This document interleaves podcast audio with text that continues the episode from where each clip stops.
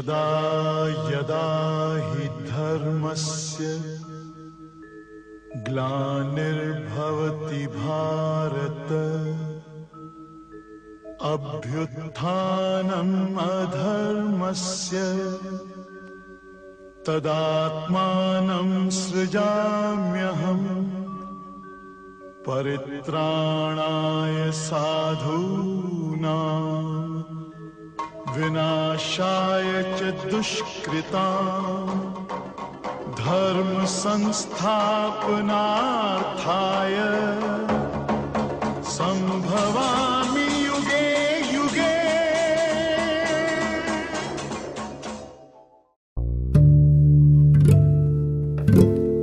Om Swastiastu, Sobat Hindu Times dimanapun Anda berada.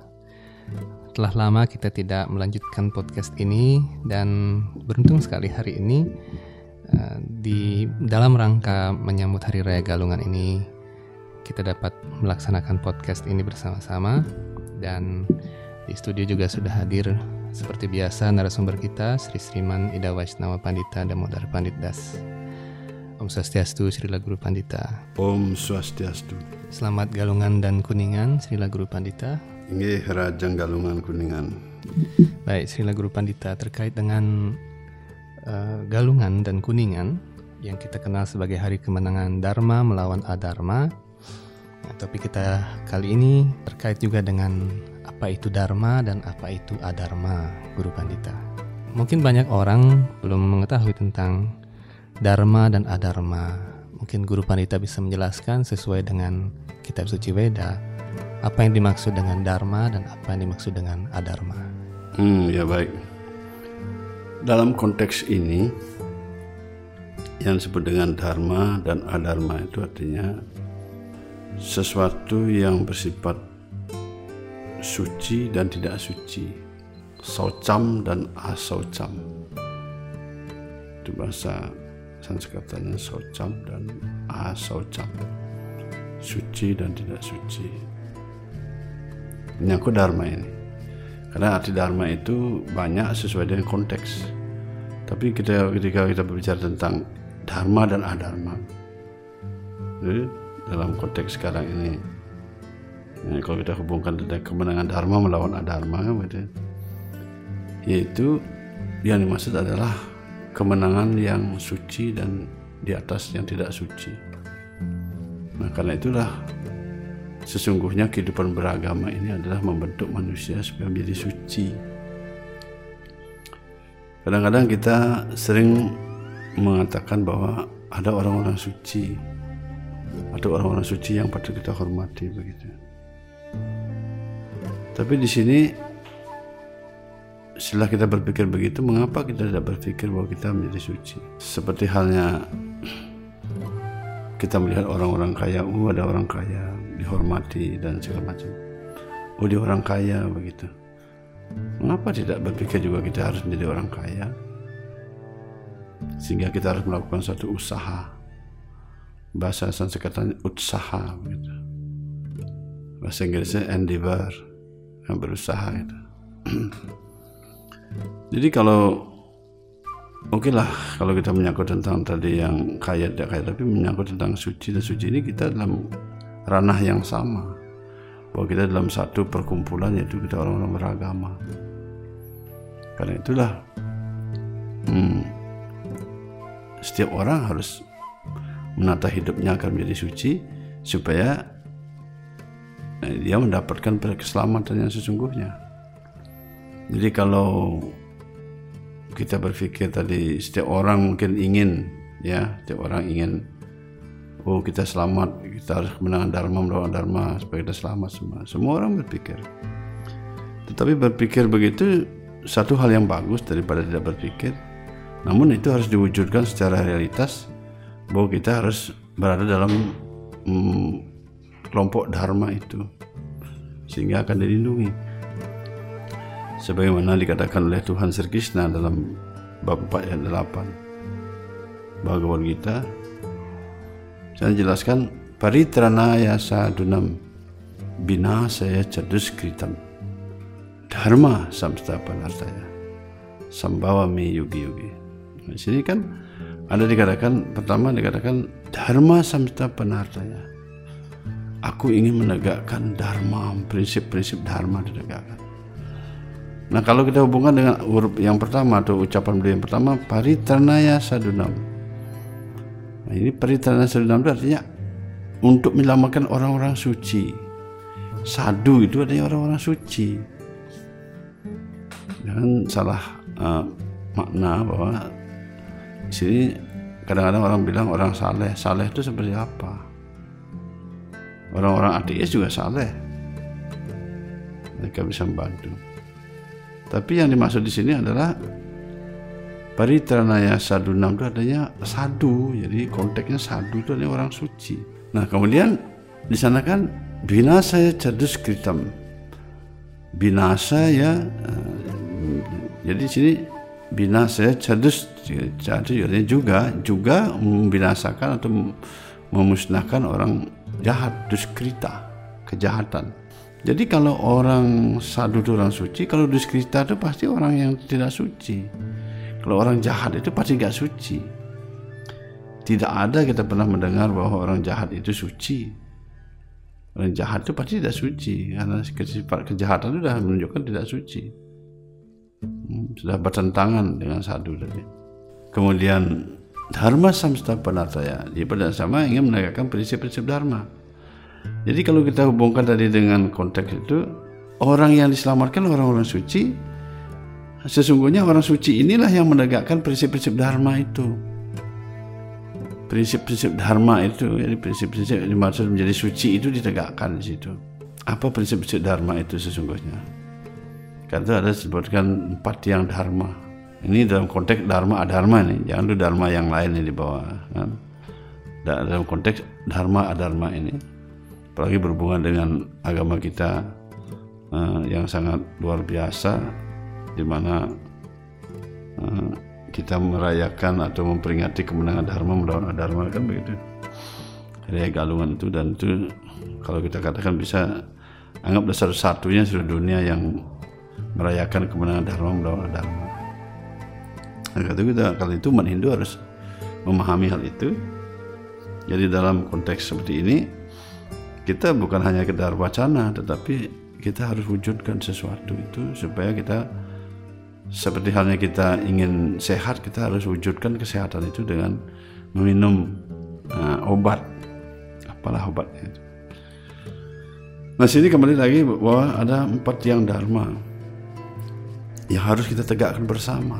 Barulah dikatakan sini menegakkan prinsip dharma. Barulah kehidupan menjadi suci. Apa sih yang dharma itu? Satu disebut dengan satyam. Ya, satyam itu artinya kejujuran. Jadi kejujuran dalam arti yang sesungguhnya. Hmm. Tentu setiap orang tidak bisa jujur sepenuhnya di bumi ini, tapi dalam arti garis besarnya terhitung orang jujur. Dan kemudian selanjutnya tiang yang kedua adalah karuna kasih sayang kasih sayang ini komplit jadi kasih sayang itu bukan kepada manusia saja kepada semua makhluk hidup kasih sayang itu juga adalah sesuatu yang kita wujudkan supaya orang itu selamat. Walaupun mungkin kita sedikit hmm, memarahi dia misalnya begitu tapi ingin dia selamat. Ingin dia berhasil ingin dia menjadi hidup menjadi umat beragama yang layak di hadapan Tuhan ya begitu.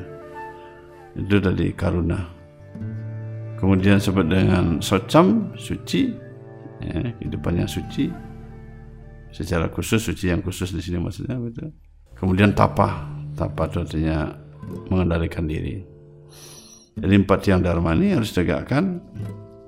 Kan itu banyak orang-orang yang menghubungkan akhirnya kalau jujur itu bagaimana sifat jujur. Misalnya salah satu jangan main judi misalnya begitu. Tentu tidak hanya judi saja tapi salah satu wujud kalau kita main judi pasti kita harus pasti tidak jujur.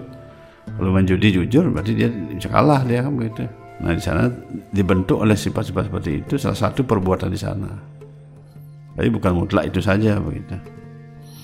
Kemudian seperti karuna kasih sayang ya hidupnya tidak menyakiti malu hidup ya seperti tidak anggaplah ya secara umum katanya vegetarian begitu. Tentu vegetarian juga makan tumbuh-tumbuhan kan?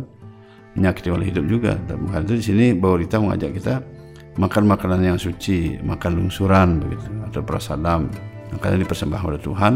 Yang mana patut disembahkan, nah itu harus kita pelajari nanti. Kan itulah yang patut kita makan kan begitu. Kemudian eh, tapa tadi mengendalikan diri. Jadi secara umum orang tidak minum minuman keras. Kalau orang sudah minum minum keras berarti dia kan tidak bisa mengendalikan diri itu maksudnya. Tapi tidak itu saja, itu salah satu contoh. Nah, sini itu maksudnya eh, kriteria prinsip-prinsip dharma yang ditegakkan dan pokok-pokoknya itu nanti berkembang lagi dari sana berkembang.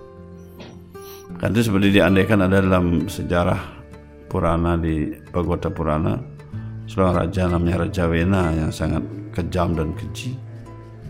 Jadi dia dalam prakteknya tentu dia karena dia betul kejam begitu jadi aman negaranya.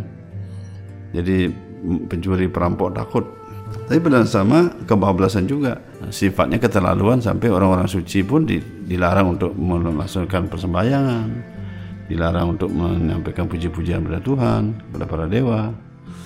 Kemudian juga dilarang untuk membuat upacara-upacara yatnya begitu. Disuruh agar mereka dialah yang dipuji. Nah, ini salah satu wujud orang yang bermental tadi adharma. Akhirnya pun karena doa para resi, orang-orang suci berkumpul semua dan berdoa, akhirnya dia matilah meninggal dunia begitu. Nah, karena itulah di sini orang-orang suci memang punya kekuatan berbeda. Orang suci tidak mendoakan dia mati, tetapi karena orang suci benar-benar berdoa pada Tuhan, nah, terjadi seperti itu. Nah karena itu sini kehidupan beragama itu artinya kemenangan dharma melawan adharma itu adalah menegakkan prinsip dharma itu. Orang-orang yang menegakkan prinsip dharma inilah disebut orang-orang suci atau disebut dengan sadu. Karena dengan menjadi orang-orang suci ini adalah kriteria yang pertama yang disebut dengan brahmana. Jadi brahmana di sini bukan berarti level kasta brahmana bukan. Brahmana di sini artinya orang-orang yang mengikut menegakkan prinsip dharma yang layak nanti dipersiapkan untuk mencapai alam-alam yang lebih tinggi bahkan ke dunia rohani begitu. Karena itu ada sloka seperti dijelaskan namo brahmana dewaya go brahmana hitaya ca itu. Jadi Tuhan sini mencintai para brahmana itu brahmana ini sih artinya orang-orang yang menegakkan prinsip dharma tadi siapa pun dia menegakkan prinsip dharma dia brahmana karena itulah karena kita awam dalam proses ini sehingga kita dituntun untuk menegakkan prinsip dharma itu. Penuntun-penuntun itulah orang-orang suci yang disebut dengan guru pengajian di sini. Jadi ada catur guru, tadi sudah ada aturan semua, ada guru CC, ada guru pengajian, dan selanjutnya guru pengajian ini berperan yaitu orang-orang suci yang seperti para acarya atau para pendeta dan sebagainya, para goswami, para resi yang menuntun kita ke jalan dharma tadi yang memberikan petunjuk bimbingan ya, hmm, untuk kita berbuat sesuatu dan patut kita hormati sabda-sabdanya. Ketika sebagai masyarakat sekarang atau umat tidak mendengar lagi kata-kata beliau berarti kita sudah tidak harus mendengar lagi siapa-siapa jadinya nah itulah jalan eh, disebut dengan jalan kehancuran menuju jalan adharma. Begitu kita mendengarkan sabda-sabda beliau hmm, yang tercetus dari bibirnya yang suci maka kita akan menjadi orang-orang yang layak nanti ke depan memasuki tempat-tempat yang suci toh lahir ke bumi jadi makhluk-makhluk yang lebih tinggi kedudukannya dalam hal spiritual. Uh, ya Guru Pandita di zaman ini uh, banyak sekali ada orang yang mengaku uh, benar paling benar begitu uh, saya paling benar kemudian saya paling suci dan sebagainya nah menurut kitab suci Weda sendiri, bagaimana kita membedakan antara orang suci? Eh, mungkin bisa dijelaskan secara lebih lebih uh, nyata ya, Guru Pandita. Bagaimana kita membedakan orang yang benar-benar suci atau orang yang benar-benar saleh dengan yang tidak saleh? Atau ajaran yang suci dan ajaran yang uh, maksudnya uh, perbuatan yang suci atau perbuatan yang tidak suci? Ya seperti kata saya tadi, kita lanjutkan dengan pembicaraan tadi, empat yang dharma tadi. Bagaimana ciri-ciri orang-orang yang suci itu kan begitu. Tadi sudah menegakkan empat yang dharma tadi. Dan kemudian orang suci tidak banyak berbicara tentang hal-hal yang tidak penting. Dia hanya berbicara sesuatu yang diperlukan seperti memuji Tuhan, memuji nama si Tuhan, atau memberikan wacana-wacana yang baik begitu memberikan nasihat memberikan bimbingan atau bicara yang yang diperlukan untuk kemajuan sang jiwa, sang roh. Jadi orang suci selalu memikirkan bagaimana atma itu. Karena itulah diri kita sesungguhnya. Makhluk hidup yang dimaksud. Bagaimana uh, berpikir supaya badan ini bisa membantu atma itu karena dengan perbuatan badan ini menunjukkan badan apa yang kita dapatkan kemudian hari. Kalau adharma perbuatan kita maka badan yang kita dapatkan nanti kan lahir di bumi dengan badan adharma juga nanti selanjutnya entah berbadan apa. Kalaupun manusia mungkin manusia yang sangat ya dalam arti karakter yang tidak bagus begitu. Tapi kalau dia sekarang menegak menegakkan dharma justru atma ini akan mengarah ke atas. Mendapatkan badan-badan dewa, ada badan-badan uh, makhluk-makhluk suci di planet-planet dewa, tempat dewa Brahma atau bahkan menjadi dalam kedudukan dasar sebagai sang jiwa itu sendiri pulang ke alam rohani, capai moksa. Jadi kalau kita bisa bagaimana membedakan orang suci dan tidak suci tadi ya seperti tadi bahwa apakah kehidupan dia digunakan untuk kebaikan dalam arti yang menegakkan dharma? Tidak beda dengan orang saleh, kalau saleh itu walaupun dia tidak menegakkan dharma tapi karena saleh. Ya. Misalnya contohnya asal cam begitu. Uh, maksud saya contoh asal cam maksud saya salah satu tiang dharma itu socam itu artinya uh, suci kan tapi dia hidupnya tidak suci dalam arti dia hidupnya dia melanggar seperti tadi itu tidak kalau misalnya kalau orang cicir orang suci itu salah satunya kalau dia menghindari perbuatan-perbuatan seperti berzinah begitu. Nah itu salah satu wujud salah satu dari wujud itu begitu contoh. Tidak berzinah kan itu. Tapi kadang-kadang orang saleh itu secara umum saleh umum itu kan berzina juga apa dia lakukan semua tapi dia baik sama orang lain bantu apa semua. Makanya dikatakan baik oh, orang saleh tapi kalau kita bicara tentang dari suci dan suci tidak suci ini berbeda. Jadi mereka menegakkan empat yang dharma itu dalam kehidupan sehari-harinya dan dia juga aplikasikan itu pada siapa pun yang lain yang memang juga ingin bersama-sama dan selalu memberikan suatu ingin memberikan suatu kebaikan dharma itu pada orang lain. Bibirnya digunakan untuk memuji kebesaran Tuhan, untuk bicara suatu hal yang positif, itu untuk keselamatan orang lain dan dan siapa pun. Kemudian kakinya digunakan selalu untuk melangkah ke tempat suci. Kemudian matanya digunakan untuk memandang suatu yang berhubungan dengan kerohanian hidup rohani. Dan hidungnya digunakan lalu untuk mencium bau-bau bunga yang telah persembahkan misalnya. Telinganya digunakan untuk mendengar doa-doa atau mantra-mantra lidahnya selalu mengucapkan nama suci Tuhan dan mencicipi makan-makanan suci tangannya digunakan selalu untuk sibuk dalam kehidupan pelayanan ya nah, di tempat-tempat suci.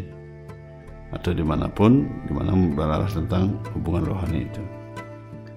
Nah itu bisa membedakan satu sederhana sekali. Nah selanjutnya itu nampak luar kan? Nah, selanjutnya di dalam hati pun dia harus terbentuk dengan pelayanan tadi dengan mata-mata suci dengan makanan suci.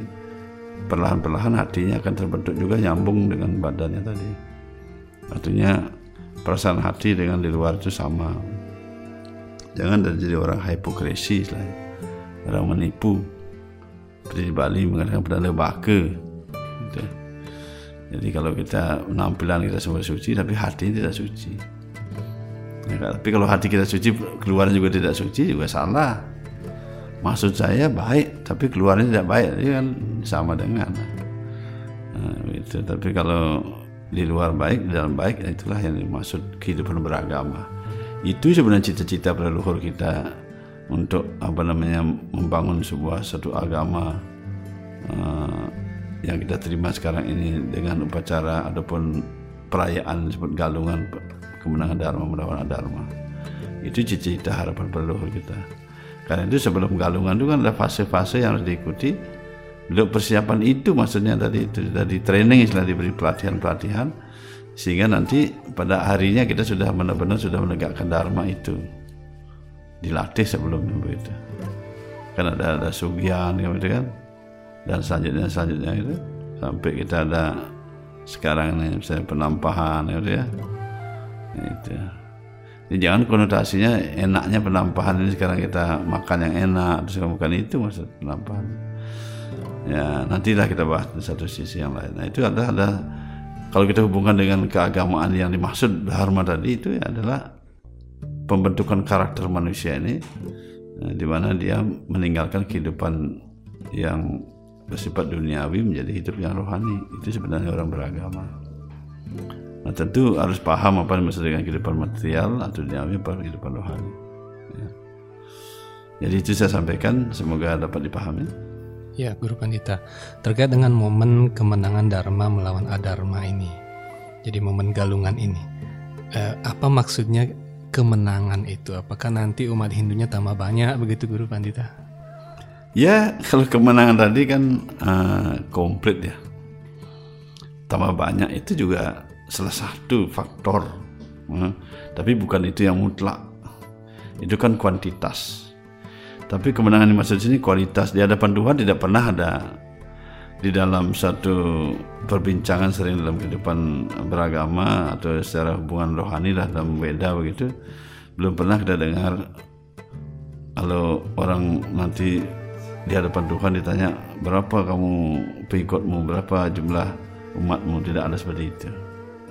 Tetapi ada dalam beda dikatakan bahwa barang siapa yang mengajarkan pengetahuan ini kepada penyembahku atau orang-orang yang percaya kepadaku. Artinya pengetahuan tetap diajar, diajarkan maksudnya dididik seorang itu mereka yang percaya pada Tuhan, yang percaya kepada memiliki keyakinan oleh iman serada kepada yang kita yakini dalam Hindu ini kan begitu. Tuhan yang kita percaya kan sesuai dengan istadewatanya masing-masing kan begitu. Jadi kalau konteks Hindu kan begitu. Jadi mengakui dengan adanya banyak satu Tuhan tapi dalam banyak uh, apa namanya kegiatan rohani Tuhan ya begitu. Nah itulah istilah dewasa masing-masing orang untuk menuju tujuannya nanti destinasinya. Nah jadi di sini um, kembali kita sampaikan bahwa di sinilah wujudnya bagaimana kita akan um, menang itu kualitasnya yang maksud tadi. Jadi kita mendidik diri kita supaya kita kembali pada jati diri sendiri jati kita sendiri yaitu uh, bahwa kita adalah pelayan Tuhan, hamba Tuhan. Artinya kita adalah kembali pada roh, bahwa kita adalah roh atma. Diri kita ini sebenarnya atma begitu, bukan badan ini. Badan ini kan kalau kita katakan diri kita ini kan sebentar saja kita sudah musnah kan, sudah hilang dari muka bumi ini kan. Mana dia kan? Nah, itu atma itu sendiri kan sesungguhnya akan berhadapan dengan selanjutnya apakah kembali pada Tuhan atau kembali pada alam material ini? Kalau dia kembali pada Tuhan berarti itulah kemenangan yang maksud kalau kita saat tarik garis kalau kita lihat inti atau tujuan daripada beragama ini kan moksa nah itu. Moksartam jagat ita gitu ya. jadi maksudnya tujuan kita hidup di alam material ini kan untuk mencapai moksa kalau kita bisa mencapai moksa, itulah kemenangan yang dimaksud. Moksa itu bisa kita wujudkan, bisa kita lihat semasa kita hidup ini. Sama seperti begini. Kalau orang nanti akan mendapatkan pujian ketika dia lulus itu akan mendapat penghargaan yang besar. Dia tahu dirinya ketika dia masih kuliah karena ketika masih kuliah dia sudah lihat nilainya sangat bagus-bagus semua. Demikian juga kalau kita beragama ini yang disebut kita akan mencapai alam muksa itu kita sudah tahu bahwa kehidupan yang kita lakukan di bumi ini eh, sesuai dengan aturan tadi. Kita sudah meninggalkan kehidupan yang duniawi ini menuju kehidupan yang rohani. Kehidupan badan menuju kehidupan roh. Jangan salah berpikir meninggalkan kehidupan duniawi artinya dia tidak berbuat apa pun kemudian dia mungkin tinggal sendiri mungkin di hutan atau apa bukan begitu masa dalam dunia. Jadi mental duniawi yang tadi yang digunakan untuk kenikmatan indria itu sekarang dipakai untuk hal positif kenikmatan yang lebih tinggi yaitu hubungan dengan Tuhan. Itu yang rohani misalnya. Begitu. Ini sederhana lah misalnya kalau kita punya kendaraan misalnya begitu. Kalau kita pakai kendaraan ini hanya untuk eh, jalan-jalan melulu, kemudian kita eh, menikmati bersama ya hubungan laki perempuan begitu. Nah, itu kan kenikmatan. Tapi kalau mobil kita gunakan sesuatu yang positif, misalnya untuk bekerja, kemudian kita pakai ke tempat-tempat suci, ya sekali waktu juga kita berekreasi dalam hal yang positif. Nah itu kan artinya hidupnya rohani namanya, sesuai dengan aturan agama yang kita ikuti. Kan itu agama kan di manusia minta kan sudah jelas manusia mati. Kan dijelaskan di sana bahwa segala kehidupan kita tertata. Bahkan istilahnya kalau kasar dia bilang makan itu juga ada aturan. Ke belakang ada aturan. Ya udah dan sebab buat anak ada aturan punya istri ya, punya suami ada aturan. Mengikuti aturan itulah yang maksud orang-orang yang hidupnya uh, rohani tadi hidupnya ke dalam roh tadi. Dibarengin dari hatinya dengan ketulusan dari hatinya dari dalam. Yang demikian dia benar-benar kehidupan yang rohani. Dengan kehidupan yang roh tadi kehidupan rohani itu itulah kemenangan dharma. Sehingga nanti pada akhir kehidupan dia akan mencapai tahap pertama yang lebih tinggi dan akhirnya mencapai moksa begitu. Jadi dalam hidup ini benar-benar realitas. Ya. Dalam hidup ini benar-benar realitas.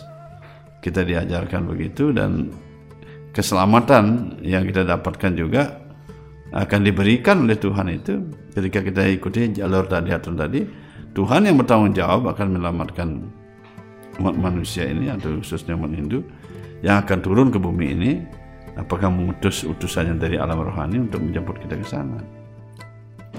Nah itu jaminan kita yang diberikan sebagai umat Hindu itu nah, ketika kita mengikuti tadi jalur kemenangan Dharma itu.